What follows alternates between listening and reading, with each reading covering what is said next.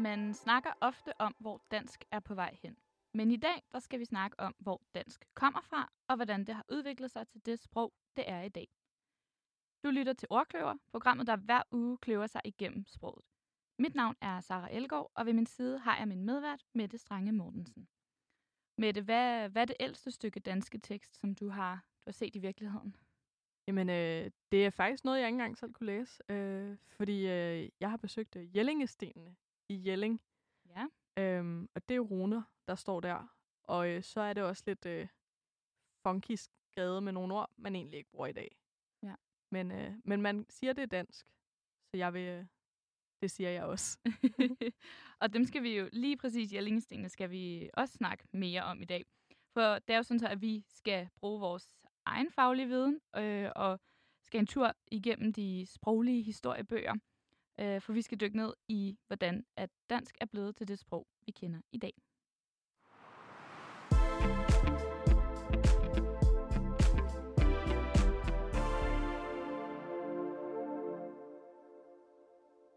Og vi skal jo faktisk rigtig, rigtig langt tilbage i tiden, fordi øh, dansk stammer fra det, man kalder indoeuropæisk, hvor man øh, slet ikke har nogen skriftlige kilder. Så må det være rigtig, rigtig gammelt. Det er rigtig, rigtig gammelt. Jeg kunne ikke finde noget sådan bestemt tidspunkt øh, på, hvornår det var øh, blevet brugt. Men det er ligesom det, der er grundsprog for de sprog, vi, vi har her i, i Europa. I, i, altså det er den vestlige del af, af det, der er det indoeuropæiske sprog, til Indien i øst. Og så Helt- spreder det sig. Helt derover. helt derover har man de samme sådan sprogstammer. Og det er faktisk over halvdelen af jordens befolkning, der taler de her indoeuropæiske sprog. Og noget af det skylder jo så også øh, noget rejsen rundt efterfølgende. Men øh, back in the day, der, øh, der var det altså indoeuropæisk, der øh, rulede. Øhm, Så der fandtes ikke dansk, for eksempel. Det var indoeuropæisk, som der hed alle. Det, altså, det var det, præcis. sprog, det overordnede sprog hed. Øh, og, øh, og jeg sagde jo lige før, at der ikke findes nogen skriftlige kilder. Så øh, det store spørgsmål er jo, hvordan filan har man så lige kunne regne ud, at der var et samlet sprog. Men øh, det har man ved, at sprogforskere har samlet, eller sammenlignet alle de sprog, der ligesom ligger inden for sprogstammen, som vi har skriftlige kilder på. Øh, både dem, der er levende, og dem, altså stadig levende, og dem, der er uddøde. Og fundet frem til en masse sådan, fælles ord og noget fælles grammatik, sådan ordbøjninger og fælles syntaks, altså hvordan man øh, laver sine ordstillinger i sproget. Og øh, nogle af de øh, ord, der ligesom er, er, er det her fælles, det er øh, et ord som, øh, og nu øh, gætter jeg, hvordan udtalen er, men du eres, du eres, som er dør. Det kan man jo godt genkende. Der er noget D mm. og Mhm. noget UE, som godt kunne være en ø-lyd. Øh, så er der øh, me- metu, med, med M-E-D-H-U, staver man det, det har man heller ikke nødvendigvis gjort, øhm, som kan betyde honning eller øh, mjød. Så den her M-lyd og den her D-lyd, mjød.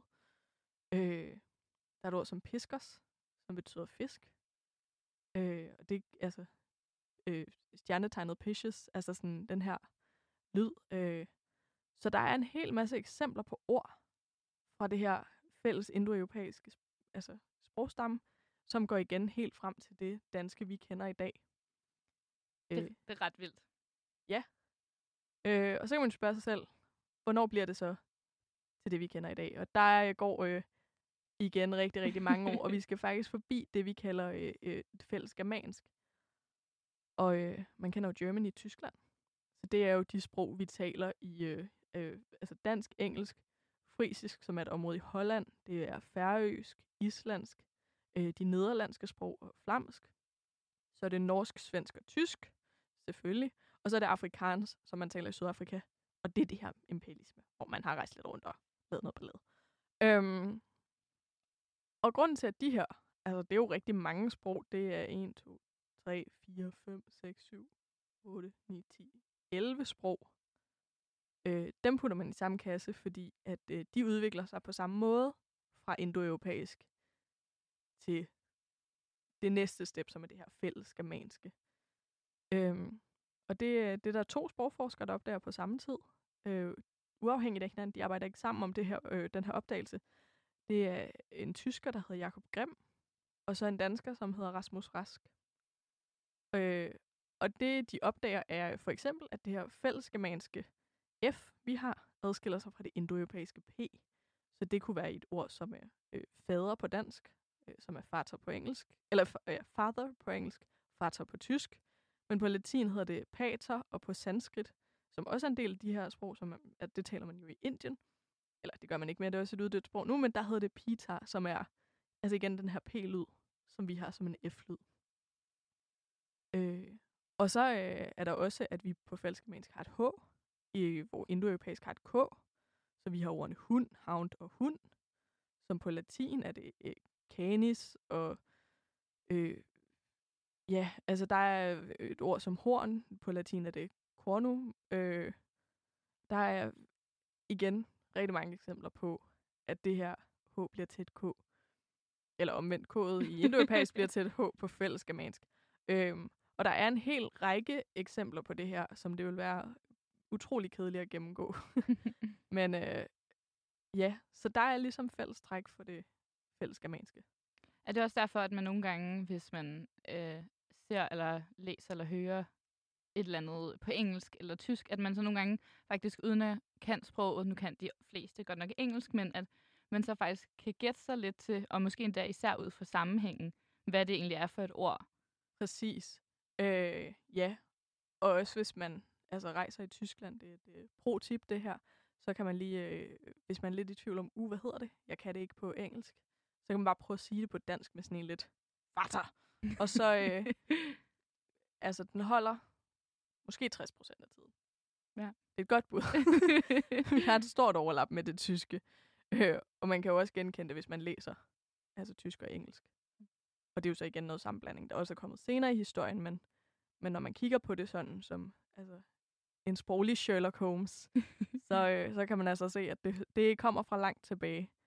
Øhm, og ja, det fællesgermanske, det, øh, det udvikler sig jo også, fordi sprog udvikler sig. Øh, og øh, omkring år 200, så får vi noget af det første skriftlige materiale fra, fra det her, altså det, det område, vi i dag kalder, øh, kalder Danmark. Øhm, kan du gætte, hvad det er? Det skulle vel aldrig være runer? Jo, præcis. Man finder en masse sydskandinaviske runefund, så det er jo her i nærheden. Øhm, og et af de mest kendte, vi har, er fra øh, den lille, øh, det lille guldhorn, som man finder i midten af 1800-tallet. Og det er lavet cirka 400 år efter vores tidsregning. Så vi er 200 år fra de første tids, øh, runer, men så kommer det her øh, lille guldhorn. Og jeg har taget teksten med i dag. Og øh, jeg prøver lige at læse det højt for dig. Sådan som jeg vil, øh, altså som, som det er skrevet. Øh, Ek leuagast holtinger horner toldo. Øh, og det er volapyk. Vil jeg sige. Volapyk er jo et rigtigt sprog, så det må vi heller ikke. Men det er jo, det lyder i hvert fald ikke som noget dansk, man kender i dag. nej. Men så alligevel lidt, ikke? Fordi ek, det betyder jeg. Ja, og det, ja. og det er jo, igen, det kunne faktisk godt lidt minde, minde om ich. I, er det ikke på tysk, det er ich? Jo, og på, på nogle norske dialekter har man også sådan en Ja. A-agtig, altså, hvor det også starter med E-lyden, i stedet for J-lyden, som vi har på, på nutidsdansk. Øhm, Hvad med det næste ord? Det var meget... Øh... det betyder, altså der er lidt sådan, hvad det egentlig betyder. Øh, men den mest sådan, almindelige tolkning er læggæst. Øh, Det kan man jo igen faktisk også godt, når man ved det. Ja, Altså, hvordan var det, du ville udtale ordet? levergaster. Ja, det kan man jo godt lidt høre der. Ja. Når man ved. Når man ved det, så, ved, så kan man da sagtens høre det. Øh, men det er man i tvivl om, fordi det er jo sådan en læggæst. Hvad søren er en læggæst? Altså gæst kender man. Læg, det, er det noget med at være i læg for et eller andet? Mm, jeg ved det ikke. Men øh, der er bud på, at det betyder den berømte gæst, eller den beskyttede gæst. Øhm. Og så er, øh, ja, der står, i en moderne fortolkning vil der stå, jeg læggæst, holdt søn, skabte hornet. Så det er bare en, der ligesom har skrevet sin signatur. Øhm. Men der er øh, tvivl om, hvad, hvad det egentlig betyder. Skrevet sin signatur på en meget vild måde for nutids dansk. Jeg vil overveje at begynde at ja, lige bruge lidt runer til at... Nå jo, men også, altså det, det har jo været det udbredte skriftsprog i perioden. Helt bestemt. Og der er jo både en, øh, et ældre runesprog, som man kalder den ældre futak, og så den nyere futak, som er den nyere runesprog. Øhm, så runerne havde også deres egen udvikling, før vi fik de her latinske bogstaver, som vi bruger i dag. Øhm, men ja, det er et af de tidligste og sådan mest kendte runefund, vi har i, i Danmark. Og så springer vi 600 år i tiden igen, fordi så, øh, så rammer vi over 900, ja, cirka 950, øh, hvor at øh, øh, en gut ved navn Gorm, han øh, får rejst den her første Jellingesten. Øh, og øh, på den første, som er den lille af dem, der står øh, igen også noget, som, som vi har fået oversat til nutidsdansk. Øh, Kong Gorm gjorde disse kumler efter Tyre sin kone, Danmarks pryd. Og det er jo størstedelen af de her, kender man jo, altså ordene, ikke? Øh, kumler, det er så runer. Eller et tegn eller et mindesmærke, kan det også betyde. Så det ville være de her Jellingesten, han nok refereret til der. Jamen, det er på Jellingestenen. På den lille Jellingesten ja. står der. Kong Gorm ja, gjorde disse kumler. Ja, efter så det er Jellingestenene. Præcis. Øhm. Og det er jo igen sådan lidt sådan en, hvor man bare har skrevet på en sten. Jeg, jeg har lavet sten. Se stenen, jeg har lavet. øhm. Så det har jo nok været sådan en trend i, i tiden. Altså for at sætte et, et altså Ja. aftryk på, Ja, på, på eftertiden også, ikke? Jo, Øh, og de har jo også skrevet på træ og sådan noget, som jo så er forsvundet. Øh, fordi det gør træ. Øhm, og lad os lige også gå forbi den store Jellingsten, nu vi, øh, vi er taget til Jelling. Øh, Den øh, er sat op i cirka 965, så det er 15 år senere end den første. Øh, og der står, kong Harald bød gøre disse kumler, efter går med sin fader og efter Tyre sin moder. Den Harald, som vandt sig hele Danmark og Norge og gjorde danerne kristne. Øh, ja. Og det er jo igen det samme. ja, det er igen en, en form for signatur. Præcis. Øhm, Bare lidt længere, men er jo også sådan et... Øh, der er også noget i det med, at man så ligesom... Om jeg hører sammen med den lille Jellingsten. Ham der Gorm, han var min far. ja, og, og, og også sådan, hvad han har udrettet. For, altså, der er også noget historisk indover Ja, præcis, ikke? det med, at, som vandt sig hele Danmark og Norge og gjorde danerne kristne. Det, øh, det, ja, det er sådan det tidlige tegn. Dels på, altså det er jo det, man siger, det er Danmarks dåbsattest, her bliver vi Danmark. Øhm, men det er altså også noget af det allertidligste eksempel, vi har på dansk sprog, Ja, som runer. som runer, som øh, man godt kan oversætte til, ikke til nutidsdansk, altså det her var, var øh, præoversat, øhm, men, men man kan godt finde sådan nogenlunde oversættelse af de her tegn fra rune til latinske bogstaver. Det er jo ret sjovt. Mm. Ja, det er ret sejt. Og det er også sjovt, at vi har haft så udbredt et, et skriftsprog, uden at vi ligesom har beholdt det. Ja, at det bare er ikke forsvundet, fordi det er det jo ikke, men ja, at, at det bare slet ikke er noget, der bliver brugt. Nu tænk på, at vi har haft det der, men det er jo også på det tidspunkt hed dansk jo ikke dansk. Nej. Øhm, så det er jo et helt, helt andet sprog på en måde. Præcis. Øhm. Men det, der jo sker også her i 965, som nok også er noget af det, der får, får de her runer til ligesom at forsvinde, det er jo det her med, at kong Harald får gjort danerne kristne, så vi får en helt ny religion.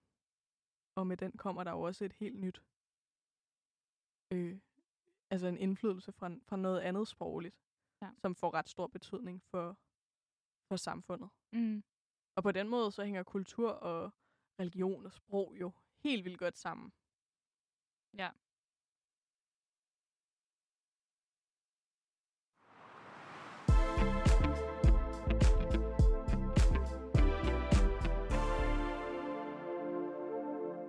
Ja, fordi at øh, nu er vi nået til perioden øh, 1100 til 1525, som måske er bedre kendt som middelalderen.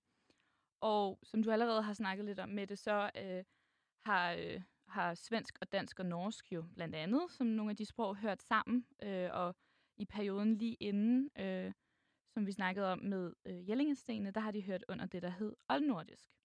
Men i løbet af middelalderen, der begynder dansk at adskille sig fra svensk og norsk.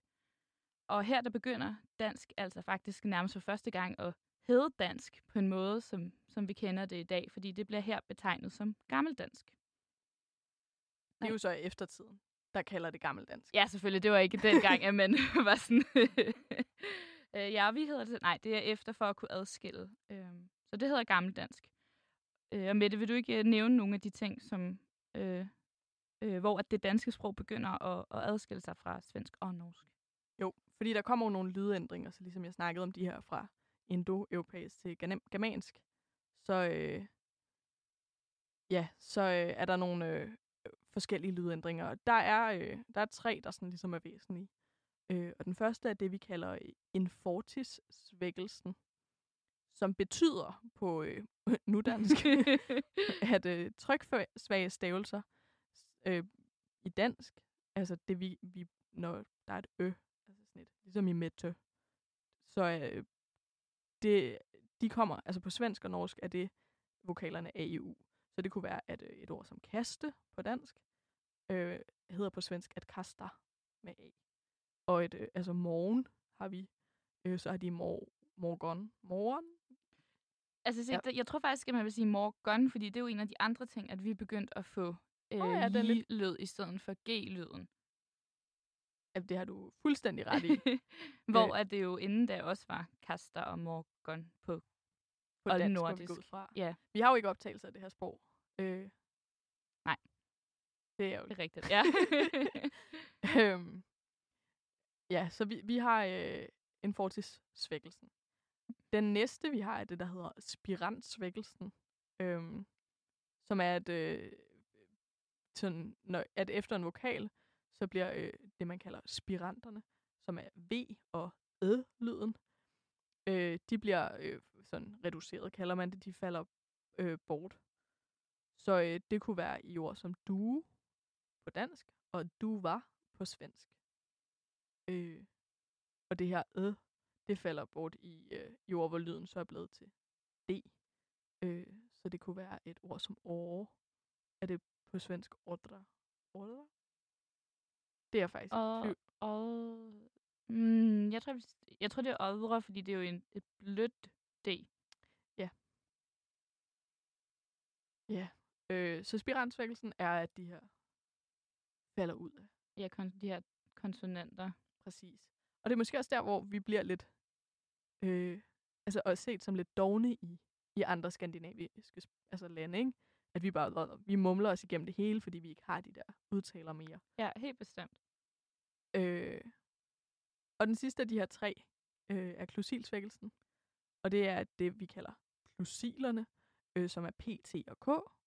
Øh, efter en vokal på dansk, så bliver de omdannet til B, D og G i skrift, og til lydende B, The og J, eller sådan.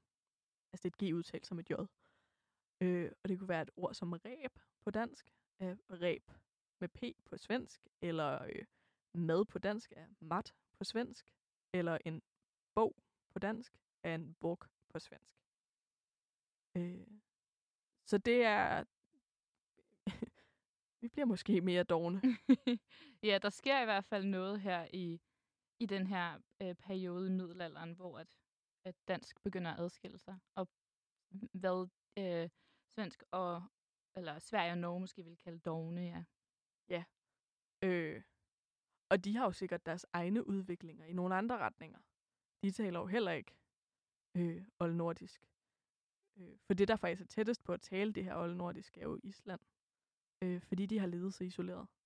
Ja, ja og hvor der jo så sket udviklinger her, især i middelalderen og ef- i, efter, øhm, at, øh, ja, at, at dansk og også, som du siger, norsk og svensk udviklede sig, men at det gjorde Island ikke på samme måde. Ja, og så samtidig med, at der skete de her, øh, altså de her tre sådan store øh, sproglige ændringer i, i dansk, så øh, blev det danske ordforråd også udvidet helt vildt meget. Øh, og der kom rigtig, rigtig, rigtig mange nye ord. Øh, og de fleste kom fra nedertysk. Så som, du, øh, som vi også snakkede om lidt tidligere, at Øh, en af grundene til, at man nok kan genkende mange ord på engelsk og tysk for eksempel i deres tekster osv., er fordi, at vi er, er fra det fælles germanske sprog, men nok også fordi, at vi har rigtig mange ord øh, fra øh, tysk i Ja. vores sprog. Øh, og for at nævne nogle eksempler på, hvad for nogle, fordi at de ord, som kom ind, var også meget ord, som, som var en del af, af hverdagen, og noget, som folk øh, brugte. Så det var for eksempel altså sådan noget som skomager, skomager, og, og snedker, altså sådan deciderede ja, håndværkerbetegnelser, øhm, fordi at de, de kom fra, fra Tyskland, og øh, sådan noget som øh, sådan helt basis ting fra hverdagen, sådan bukser, støvle, køkken, tallerken. Øh, ja, er bare nogle af de eksempler, der er, der er kommet fra, fra nedertysk. Ja, man kan også genkende det som et ord som borger. Ja. At på tysk hedder det en burger.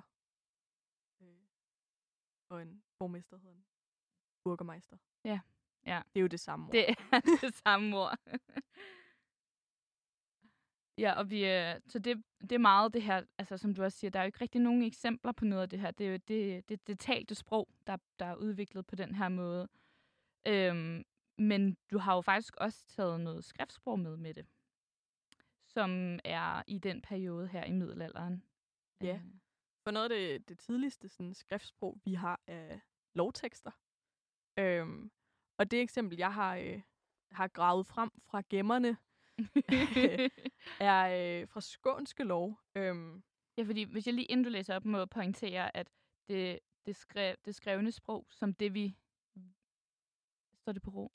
nej, det står ikke i roner, Nej, men vel? det står Godt. på gotisk, altså med gotiske bogstaver. Så det Så det- er øh, lidt tricky. øh, og jeg har det skrevet med, med øh, latinske bogstaver også. Øh, fordi ellers var vi aldrig kommet igennem. Men lad os lige prøve at høre øh, øh, et, øh, et kort stykke tekst. Og jeg prøver at læse det med, med, med en slags nudansk udtale, om man vil. Øhm, så det, der står er, om man hittam andre mand i senge med sin æselkone. Øh, og det er en startansætning. Og det, der ligesom står, er, at hvis en mand finder en anden mand i seng med sin ægte hustru, øh, det, var- det var det, der var eksemplet, og det kan man jo godt, altså, æselkoner, ægte hustru, eller kone, kuno, øh, senge, eller sengo, seng, øh, altså, der er nogle, øh, man kan godt se det, når man Igen, når man ved det. når man ved det, og når man kigger på det, ikke, så, øh, så giver det mening. Øh, og bare lige for at følge op på, så øh, det, der står på, på nudansk i hele sætningen, hvad, hvad var det, der man måtte med, hvis der, øh, altså hvad stod der i skånske lov, ikke?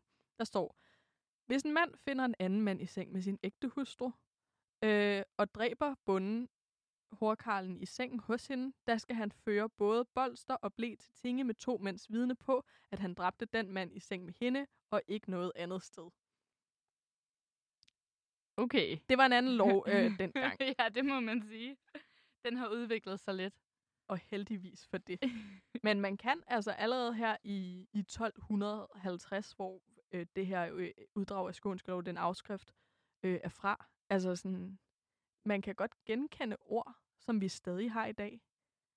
Øh, det har en lidt mere svensk, øh, svensk look over sig, og, øh, og der, de er lidt i tvivl om V og U, om de vil hvordan de bruger dem. Det har de ikke helt. Der er jo ikke øh, ordbøger på det her. Altså, der er ordbøger, hvor nogen har samlet ordene, men der er ikke retskrivningsordbøger, som vi kender i dag, og der er jo ikke et internet, man kan slå alting op på. Nej, det var jo, hvordan den her person stavede det ord kontra hvordan en anden, og hvordan at det var skrevet ned i bøger, eller ja, ikke bøger, men ja, hvordan det var skrevet ned. Præcis. Og faktisk, altså i løbet af en tekst, kan man godt have det samme ord skrevet på flere forskellige måder. øhm, ja, øh, altså der er et sted, hvor der står fiskegård, men fiskegård, og så sten, senere står der øh, gårdfestu, som altså ud fra oversættelsen må det være det samme. Og fisk er både skrevet med K og med C. Så det svinger også lidt. Ja. Så der er ikke, altså selv inden for samme tekst, er der ikke en retsstavningsnorm. Det er vildt. Den, den vil ikke være gået i dag. Nej, ikke alle steder i hvert fald. Nej. Så er det jo også, at øh, ja, de, de øh, hvad hedder det, sproгэndringer, vi har været inde på indtil nu, øh, de er sådan på en eller anden måde afsluttede lidt i 1525, eller sådan, der begyndte man at have meget tæt på det dansk, vi kender i dag. Øh, så godt nok med forskellige måder at stave ordene på, men at vi stadig har en fornemmelse af, hvad, hvad det er for nogle ord. Øh, og ja, så det var altså, at middelalderen er på en eller anden måde er også en periode, hvor at sproget, ja, sproget bliver lavet ind til et system, som, som virkelig ikke adskiller sig særlig meget fra, fra det, vi kender i dag. Og øh, så er det jo, at efter middelalderen, der kommer der også en anden vigtig periode for det danske sprog. Det er reformationen, øh, som blandt andet er, er med til at, at skabe den her retskrivningsnorm, som der indtil nu ikke har været, øh, netop hvor man så har stavet øh, bogstaverne eller ordene på forskellige måder. Øhm, Ja, og der kommer også bogtrykkerkunst. Ja. Som gør, at du... Altså, før har det jo været øh, ofte munke, der sad og afskrev en tekst.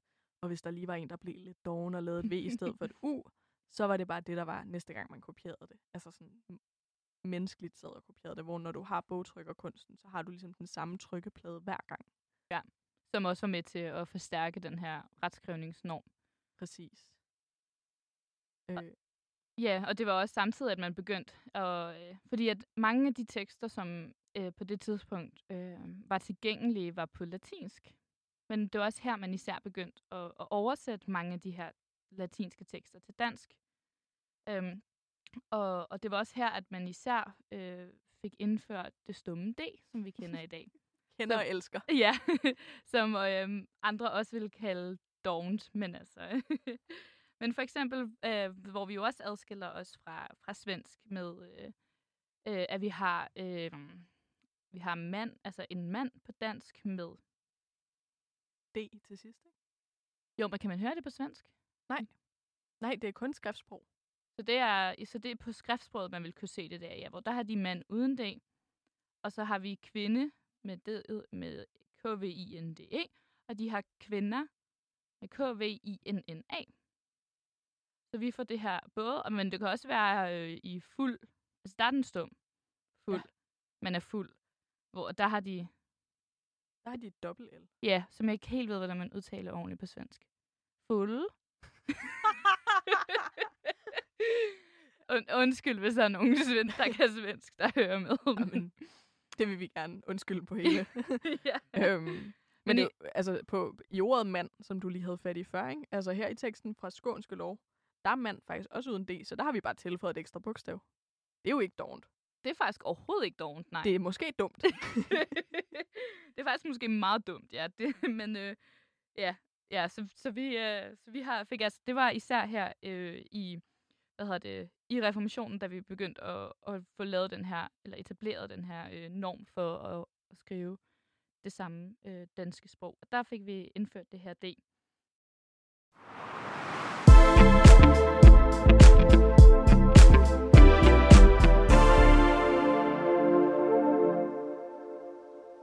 En anden ting, der skete øh, tid efter reformationen, var, at øh, der udkom en helt særlig bibel. Mette, vil du ikke fortælle lidt mere om, hvad det er for en bibel? Jo, fordi øh, reformationen den sker i Danmark i 1536 og 1537. Øh, og det er kong Christian den 3., der ligesom får det gennemført. Øh, og vi går fra at være katolikker og tale latin i kirken til at tale dansk i kirken. Øh, som jo er hele Luthers projekt, at dem, der er i kirken, skal også forstå, hvad der foregår i kirken. Meget logisk, vil nogen sige. Øhm, og øh, cirka 10 år efter den, altså reformationen, så øh, altså i 1548, så bestiller Christian den 3. Øh, en bibel på dansk. Altså nu skal der være en bibel, som alle landsbypræsterne kan have og bruge og øh, tale efter, så der ligesom er en ensartethed. Øhm, og den udkommer i 1550. Og øh, faktisk så kan man se øh, en af de første bibler, danske bibler, øh, i Kolding i dag. Den ligger på Koldinghus. Øhm, og noget af det, der så også er med Bibelen, er jo, at øh, fordi kristendommen fyldte mere i samfundet dengang, end den gør nu, så var der også, altså sådan, så var Bibelen noget, som alle ligesom havde et forhold til. Og derfor det, at den var på dansk, gjorde ligesom, at dansk fik en altså, revival, om man vil. Øhm, så derfor var det et sindssygt vigtigt øh, stykke tekst at have. Ja. Øhm, og der kan man altså også på forsiden af den se noget, øh, noget øh, gotisk tekst, men hvor man også kan genkende ordene, og Bibel øh, er et af de ord, som Ja. ikke har ændret sig super meget. Så den var ligesom med til at, og igen også forstærke det her. Sam, måske især i samtid, samtidig med, at der er mange andre latinske tekster, der også blev, blev oversat til dansk. At så var det bare, ja, det forstærkede øh, skriftsproget. I kraft af, at, at altså, den katolske kirkes indflydelse også forsvinder, og man ser også de samme udviklinger i, i England, øh, for eksempel. Med, med, at når Bibelen bliver på hovedsproget, så får hovedsproget en opblomstring. Mm. Det giver jo super god mening. Ja, så netop Christian den 3. bibel på dansk, samt mængden af, af, af alle oversættelserne af, af de latinske tekster til dansk, det var, det var virkelig øh, starten på den her retskrivningsnorm, øh, som vi kender i dag.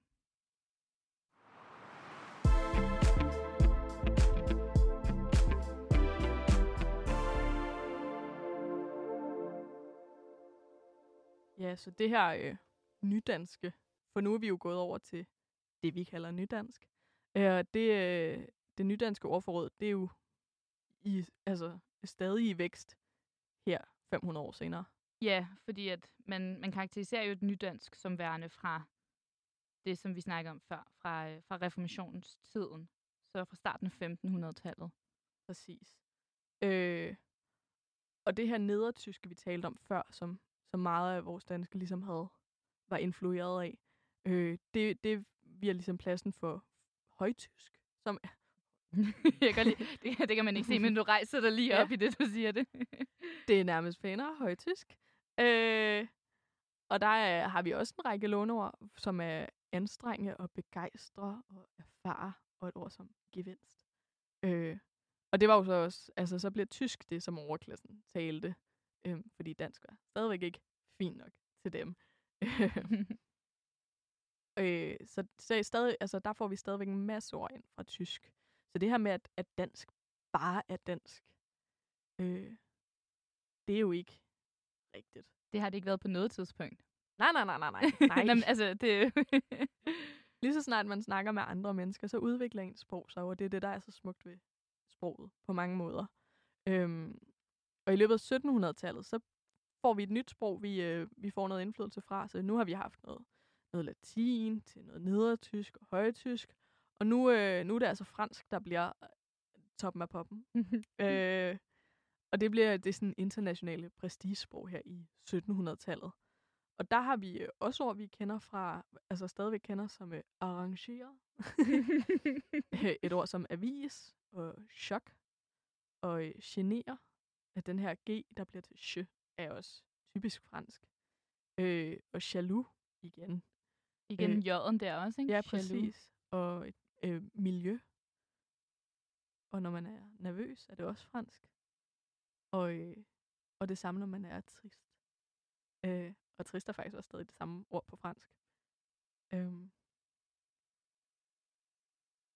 Og, øh, og her fra 1700-tallet til i dag, er der stort set ikke sket nogen sådan nævneværdige skriftlige forandringer i dansk. Og så alligevel, ikke? Fordi vi har jo øh, alligevel, altså vi har, øh, vi havde dobbelt A i mange år, øh, som var, var retskrivningsnormen, øh, men som først i øh, 1948 faktisk bliver altså øh, ændret til Å. Men Å har man haft lige så længe, man har haft dansk sprog. Så der er ikke noget der med, at Å var en ny opfindelse. Der var vi ikke dogne. Der har vi været det altid. Det var ikke noget nyt, der kom til os. Nej. Ja, så, så der går de alligevel ind og, og ændrer i, i skrift eller i retskrivningsnormen. Præcis. Hvis man læser øh, altså mid-century tekster på dansk, øh, altså fra, fra øh, før 48 i hvert fald, Øhm, så kan man jo også se, at øh, navneord er skrevet med stort, ligesom man gør på moderne tysk. Øhm, og der er nogle andre sproglige forskelle. Men sådan, øh, hvis du læser tekster fra 1700-tallet, og det har vi jo også gjort i løbet af vores uddannelse, øh, for eksempel Holbergs komedier, så er der selvfølgelig ord, man ikke forstår, fordi de ikke længere er en del af sproget. Men der er også utrolig meget, altså det er faktisk ret nemt at læse Holbergs komedier øh, på øh, øh, altså øh, relativt originale øh, udgaver.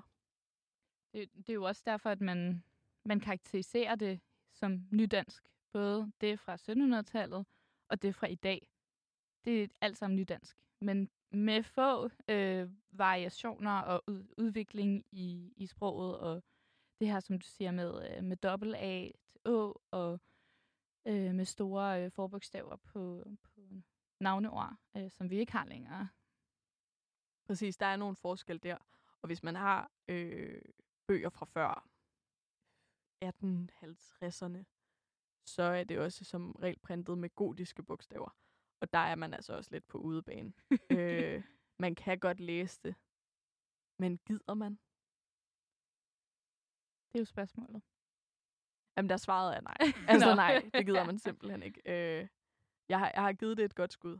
Øhm, men øh, en, en anden måde, som, som sproget også udvikler sig på øhm, fra 1700-tallet til nu, er jo også, at, øh, at vi får indflydelse fra det engelske sprog. Ja. Øh, hvor det tidligere har været, har været tysk og latin og øh, fransk. Øhm, og især efter 1945, der har engelsk virkelig øhm, domineret sproget. Og det er jo bare, altså, vi kunne nævne et ved af, af engelske ord, både lidt ældre øh, og, og nyere. Øh, ja. Ja, der er øh, på listen her øh, cornflakes. ja, cornflakes. ja. Og en, hvad hedder det, en klovn. Det er jo så en, en fordanskning af det engelske clown. Øhm. Ja, fordi vi jo, der er jo lidt begge dele. Vi har både nogen, som vi tager ind præcis som de er, men der er altså også nogen, der, der er fordansket, og måske med tiden, at de er blevet fordansket. Ja. Altså den måde, man har sagt den på. For eksempel cornflakes. Det er der, det er der nok forskellige folk, der siger på ja. forskellige måder. Altså nogen, der er lidt mere der er fordansket end andre. Cornflakes, eller cornflakes, eller... ja. alt, alt efter, hvor man kommer fra i Danmark, måske. Ja, der er helt sikkert dialektforskel, ikke? Jo. Det kan man jo også se på dem, der har handlet mest med England, altså ude på vestkysten, har de også nogle mere sådan engelske og skotske ord, som vi ikke har øh, her i København. Fordi at vi ikke, altså, vi ikke har haft en stor handel med, med Eng- England. Ja. Øh, eller vi har i hvert fald, så har vi lige fået alting transporteret hen over Danmark, og så er, så er vi tilbage i, at sproget er blevet københavnificeret igen, ikke? jo, helt bestemt. Så øh, sproget har udviklet sig. Øhm. I, jeg vil ikke sige små mængder, fordi det har det jo ikke, men ja, det har udviklet sig, men, men stadig under det samme sprog, hvis man kan sige det sådan. Ja, og det kom over også lidt i bølger, ikke? Nu nævnte vi 1945 som sådan en, øh, der sker virkelig noget, fordi... Og der har man måske også fordi, at det tyske ligesom bliver ret umoderne at snakke om. Altså det, vi taler ikke tysk i Danmark efter 45. Der er ligesom en periode, hvor det altså, forboden, har jeg lyst til at sige, ikke? Forbudt. Øhm, og, og, og fordi amerikanerne kommer med Marshallhjælp og alle de her altså, ting, der sker efter 2. verdenskrig, så bliver USA bare lidt federe. Ja, det bliver måske lidt populært at snakke engelsk. Ja, præcis. Og vi får altså nye begreber som teenager, ikke? Altså, det er jo sådan... Ja. Det kunne ikke findes på dansk. Øh, det har de jo på norsk. Øh, som vi også snakkede om for, for nogle uger siden. At der øh, norskificerer de det.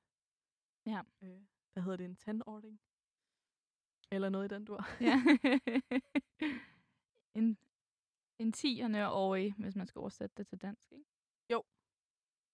Jo, og der er jo, altså teenager er jo... Ja, det er jo det samme. Ja, nej, nej, det er jo, at, at altså, altså der... de starter jo med 13. Det har jo heddet 12, så 13, 14, Det er rigtigt, ja, hvor vi siger Så den der teen, ja. så det er en, du er i, i teen-alderen. Ja. Og den, fordi vi ikke har den sproglige, øh, altså sådan, der er ikke noget, der gør 13, 14, 15. Jo, så kunne det være 10 åringerne. det kunne det faktisk. Det, det, det kunne det faktisk meget være. Med. Jamen, det er, vel, det er jo det samme på norsk. Det er, åh, det er faktisk lidt irriterende, det er det samme. Men igen, så der er jo også, det kan godt være, at vi snakkede om tidligere øh, i, i programmet her, at, at dansk begyndte at adskille sig fra øh, norsk og svensk, og igen svensk og norsk også begyndt at, at udvikle sig og adskille sig. Men der er altså stadig nogle ligheder. Præcis. Og altså dansk og norsk har jo fulgtes ad i rigtig lang tid, fordi at dansk var administrationssproget i Norge, altså frem til 1800-tallet. Øh, Ja. Så derfor har vi også haft stor indflydelse på norsk.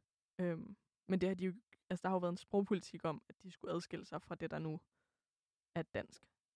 Øhm, så der er jo klare forskelle der. Mm.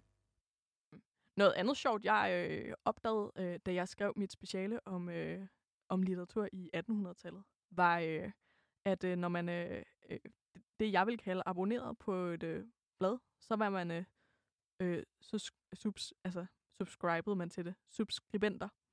Er det ej, nå? Ja. Kan jeg vide, hvor abon- ab- abonnere så kommer fra? Øh, c'est français. Ah. Oui, c'est très bien. øhm, oh la la.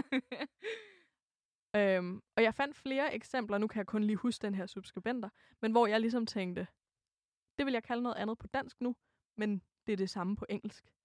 Øh, så der har ligesom været, så når folk nu siger, ej, kan du ikke bare kalde det, at du abonnerer på en YouTube-kanal i stedet for, at du subscriber, så er det faktisk øh, afhængig af, hvornår man ser på, altså hvad er korrekt dansk? Fordi det er jo så en diskussion, vi så kan tage herfra. Men hvad er korrekt dansk, ikke?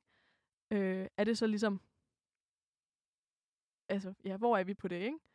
Øh, Det er ret fordi vildt. hvis det var i, i 1850'erne, som de her eksempler var, så øh, var det altså mere korrekt at sige, øh, at man var en subskribent på et eller andet magasin, øh, end at man var En- abonnent. Ja. Så der har det udviklet sig hen imod, ja.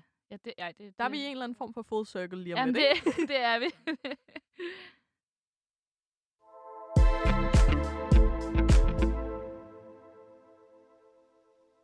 Og den her full circle, hvordan, hvordan med sproget fremadrettet? Hvad, hvad tror du med det? Bliver, bliver det ved med at udvikle sig? Altså, jeg tror ikke, vi kan stoppe det. Øh, der er jo nogen, der siger, at de unge taler grimt, og de unge øh, de snakker kun engelsk, og de unge gør ditten datten. Øh, og jeg øh, tror, det er rigtigt, at yngre generationer er øh, mere flydende på engelsk i en tidlig alder end øh, altså generationer før os. Måske vi er nogle af de, de tidligste, der har haft engelsk meget tidligt i folkeskolen. Øh, så, så vi har jo noget indflydelse på, fra engelsk. Men altså, jeg, jeg tror ikke nødvendigvis, det er en dårlig ting. Og jeg kan da mærke i forskellige øh, fora, taler jeg forskelligt. Altså, når jeg er på arbejde, så bruger jeg ikke lige så mange engelske låneord. Og det er ikke, fordi mine kollegaer ikke kan, kan engelsk. Det er bare fordi, det lyder dumt. Mm. Øh, Hvorfor, hvorfor synes du, det lyder dumt? det er jo fordi, det er ikke korrekt. Og så er vi tilbage til den der med, hvad er korrekt? Fordi Ja. er det subskribent, eller er det Abonnent. Ja. Øhm, hvad med dig? Tror du, øh, altså, tænker du over, at du taler grimmere end din forældres generation? Mm, nej, det tror jeg ikke, men jeg er bevidst omkring, hvordan jeg taler. Men det er jo også øh, det er jo rimelig meget en arbejdsskade selvfølgelig, men, men også for, altså, jeg tror faktisk mere, det er, jo, der er en gang imellem, så kommer der nogle ord, øh, for eksempel hvis mine forældre ikke hvad en influencer var. Ja. Øh, og det måtte jeg jo så forklare mig sådan noget, men det er jo det er lige så meget en kultur, altså en udvikling i samfundet, så hvor igen, nu går vi, kommer vi igen, apropos full circle, tilbage til det her med, at samfundet og kulturen og religion og sprog hører sammen. Og, og når samfundet udvikler sig, så udvikler sproget sig også. Um, så, så ja, jeg er, er enig med dig i forhold til, at jeg tror ikke, vi kan undgå, at sproget udvikler sig. Nej, og øh, noget øh, andet er også, at øh, altså, når unge får at vide, de mumler bare. Øh, og sproget bliver dognere og dognere. Man kan jo altså, nærmest forestille sig dronning Margrethe, der snakker helt ekstremt formfuldendt. Øh, og så kommer vi bare her og mumler vores... Øh, altså, øh, men det handler altså også om, hvordan man taler til børn. At når man taler til børn sådan lidt gugu gaga så er det jo det, de, de lærer. Og så bliver deres sprog mere uformelt. Og sådan kan man jo også se på det. Jamen, er det så det? Er det så virkeligheden alle de forældre, der går og taler børnesprog? Altså, burde vi bare tale akademisk til alle? Og det får man jo heller ikke noget ud af. Så kan man jo ikke have en samtale med et barn, hvis man taler et sprog, de ikke forstår. Så man justerer det jo også efter, hvem man taler til. Mm. Ja, og inden for de forskellige ja, sådan bokse, eller hvad vi nu skal kalde det, akademiske sprog, øh, formel, uformelle sprog, øh, Sprog ungdomssprog. på arbejdspladsen. Ja, alle de her forskellige bokse, som vi hver især tager på, bevidste eller ubevidste, de udvikler sig jo også på hver deres måde. Igen i, forlæng, altså i sammenhæng med, med, hvad sker der lige i den bestemte boks og, og sådan noget. Ja, og man kan jo også se, at jo flere, der så gør et eller andet bestemt, for eksempel staver mayonnaise med M-A-J-O-N-A-S-E, jo mere korrekt bliver det. Ja, det er fordi, det er nemlig også en god pointe. Ja. At, at i sprognævn, det danske sprognævn, som jo er dem, der, der laver den danske ordbog, de, øh, de, en af de parametre, de kigger på, er jo også det her med, hvordan er det folk, vi taler. Og hvis vi lige pludselig netop taler eller staver et ord anderledes, hvis nok gør det, jamen så er det korrekt. Ja. Og hvis sproget udvikler sig imod en retning, at ja, mayonnaise bliver stavet anderledes, jamen så er det sådan, det er. Ja, og det kan vi altså ikke gøre noget ved. Og det kan være, at der en dag øh, bliver det okay at skrive uden nutidsvær. Fordi der ikke er nogen, der kan finde ud af det. Jeg tror, der er lang tid til, men jeg, jeg, jeg, jeg håber, at det bliver sådan en dag. Fordi så skal jeg ikke udskammes for, at jeg ikke kan høre det.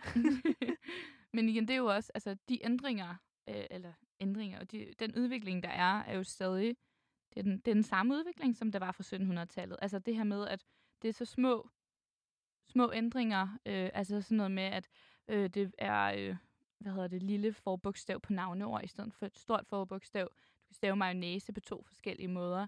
Altså vi er helt nede i, hvordan er det, vi gør lige nu i samfundet? Okay, så er det sådan her, det skal være.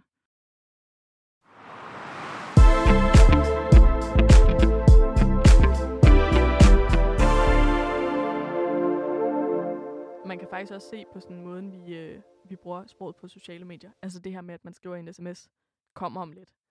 Det gør, at jeg kan fjerne jeg i en, altså det her, øh, gens, eller hvad hedder det, øh, subjektet i en sætning, ikke? Altså, Jo. Øh, og det kan man gøre mange steder. Og, øh, jeg har hørt om, om undervisere på universitetet, der er sådan, deres studerende er lige pludselig holdt op med at bruge subjektet, fordi det gør de jo ikke normalt. Øh, og det er jo stadigvæk ikke øh, almindeligt i akademisk dansk at, at ikke have et subjekt i sin sætning. Men det her med, at man bare skriver, er der om lidt. Ja, og også i høj grad i talesproget. Ja, ja, ja. Altså ikke har noget øh, jeg. Jeg er der om lidt. Præcis. Øh, så den måde, vi kommunikerer på, der fjerner vi nogle bogstaver. Vi, vi sidder ikke og skriver lange breve til hinanden. Nu er det den her altså, hurtige kommunikation. Øh, og det kunne da være vildt spændende at undersøge, om, om der er flere øh, for eksempel øh, forkortelser i sproget nu, end der har været tidligere, om vi har altså sådan noget øh, FYI, by the way. Øh, altså, hvordan man bruger dem, og det var selvfølgelig engelske, som er kommet over i, i dansk. Ja, fordi det kan jo godt være, at man har, øh, har brugt forkortelser øh, tidligere, men det så har været måske franske, eller tyske, eller latinske forkortelser, men at det så nu er, er engelske forkortelser, men øh, så fordi, at folk, der ikke levede i 17 eller 1900-tal, ja, starten af 1900-tallet, de, de har jo ikke været der dengang, da det var de forkortelser, så de er måske lidt øh, negative omkring, at der nu findes rigtig mange forkortelser på engelsk. Ja. Men det kan egentlig være, at sproget hele tiden har udviklet sig på den måde. Præcis, og det handler jo også om fællesskaber, ikke? At hvis du øh, hører nogen tale, og du slet ikke forstår, hvad de siger, fordi de bruger så mange ord, du ikke forstår, så føler du dig udenfor. Så er vi inde i de her bokse igen. Og det er aldrig rart at føle sig udenfor. Og så kan man godt blive sådan lidt sprogsur inde i sin mave, og ligesom tænke, åh, de taler også så dumt nu, hvor at det, man i virkeligheden føler, er, at man føler sig udenfor. Ja. Og hvem er det så, der har ansvaret for, at nogen føler sig inkluderet? Er det dem, der øh, taler, eller dem, der lytter? Det er også svært, ikke? Begge? Ja. Er det diplomatiske svar? Kommunikation er hamrende svært. Øh, ja, og, og især, som vi jo lige, altså som vi jo godt kan konkludere, at det, kommunikation er især svært, når sproget udvikler sig sådan, som det gør. Fordi at det udvikler sig, og det vil blive ved med at udvikle sig. Og i dag i nogen grad, sådan så vi ikke engang kan følge med det er jo, ja, det går hurtigt. Og når man ikke øh, altså, har været på TikTok i en uge, så har man mistet alle de, øh, altså, alle de gode forkortelser, alle de gode nye ord, der er kommet til. Ja. Det er jo også ofte, hvis, øhm, også ofte, hvis man snakker med nogen, som øh, har boet i udlandet i mange år, og så kommer tilbage til Danmark, øh, og bor her igen, øh, og har øh, dansk som modersmål, har boet her i, i en lang årrække periode, inden at øh, de tog til udlandet. At så, altså, det, er jo, det er jo det samme sprog, som de taler, som de ville tale med en, der har boet i Danmark i hele den periode, men der vil bare være nogle ord, de vil være, enten vil de sige et ord, hvor vi vil kigge mærkeligt på dem, og være sådan, hvorfor bruger du det ord? Øh, eller at vi vil bruge et ord, som er meget almindeligt for os, hvor de så vil være sådan, hvad i Ja. ja. verden er det for et ord, eller hvad betyder det, eller det har jeg ikke hørt før. Jeg, øh, jeg kender en, der flyttede til, til USA i, i 70'erne, tror jeg. Øh, og hun øh, siger, at jeg tekster dig lige adressen. Fordi at sms'e, det fandtes jo ikke på det tidspunkt, så der har vi jo opfundet et nyt ord. Og, så vores, og vores ord er anderledes end det engelske ord, som er at tekste. Men du kan jo sagtens sige, jeg tekster det til dig. Vi, vi forstår det udmærket godt, men vi vil, vi vil kigge lidt underligt på hende, hvis hun sagde det. Da jeg var barn, synes jeg, det var meget mærkeligt. Det er først nu, hvor jeg har en, en sproglig forståelse og har reflekteret lidt over det og været sådan, nå, det er fordi, det ord fandtes. Altså, Mm. da jeg var lille, forstod jeg jo ikke, at man ikke altid bare havde sms. at man ikke havde de samme ord for alting for evigt. Jamen, det er jo et helt nyt fænomen. Det er rigtigt. Men det er jo bare en, en virkelig, hvad hedder sådan noget, en, en virkelig, et virkelig godt eksempel på, at sproget er i udvikling. Og du kan altså bare være væk fra Danmark i 40 år, og så har du altså bare misset nogle ret væsentlige dele af vores øh, altså nuværende sprog. Øh, og der er vi jo heldige i Danmark, at vi har computer og øh, en telefon og sådan noget, at det, det er ret meget det samme, men, men der er altså også mange ord, som ikke har, som er ret nye. Ja, og som man skal være i. Fordi igen, så kan det godt være, at du kan se det på nettet, øh, eller et andet sted på din telefon, men ofte er det også, fordi du skal være i samfundet og i kulturen, og opleve og bruge de ord, at du først rigtigt øh, Ja. forstår dem, og dens betydning. Præcis.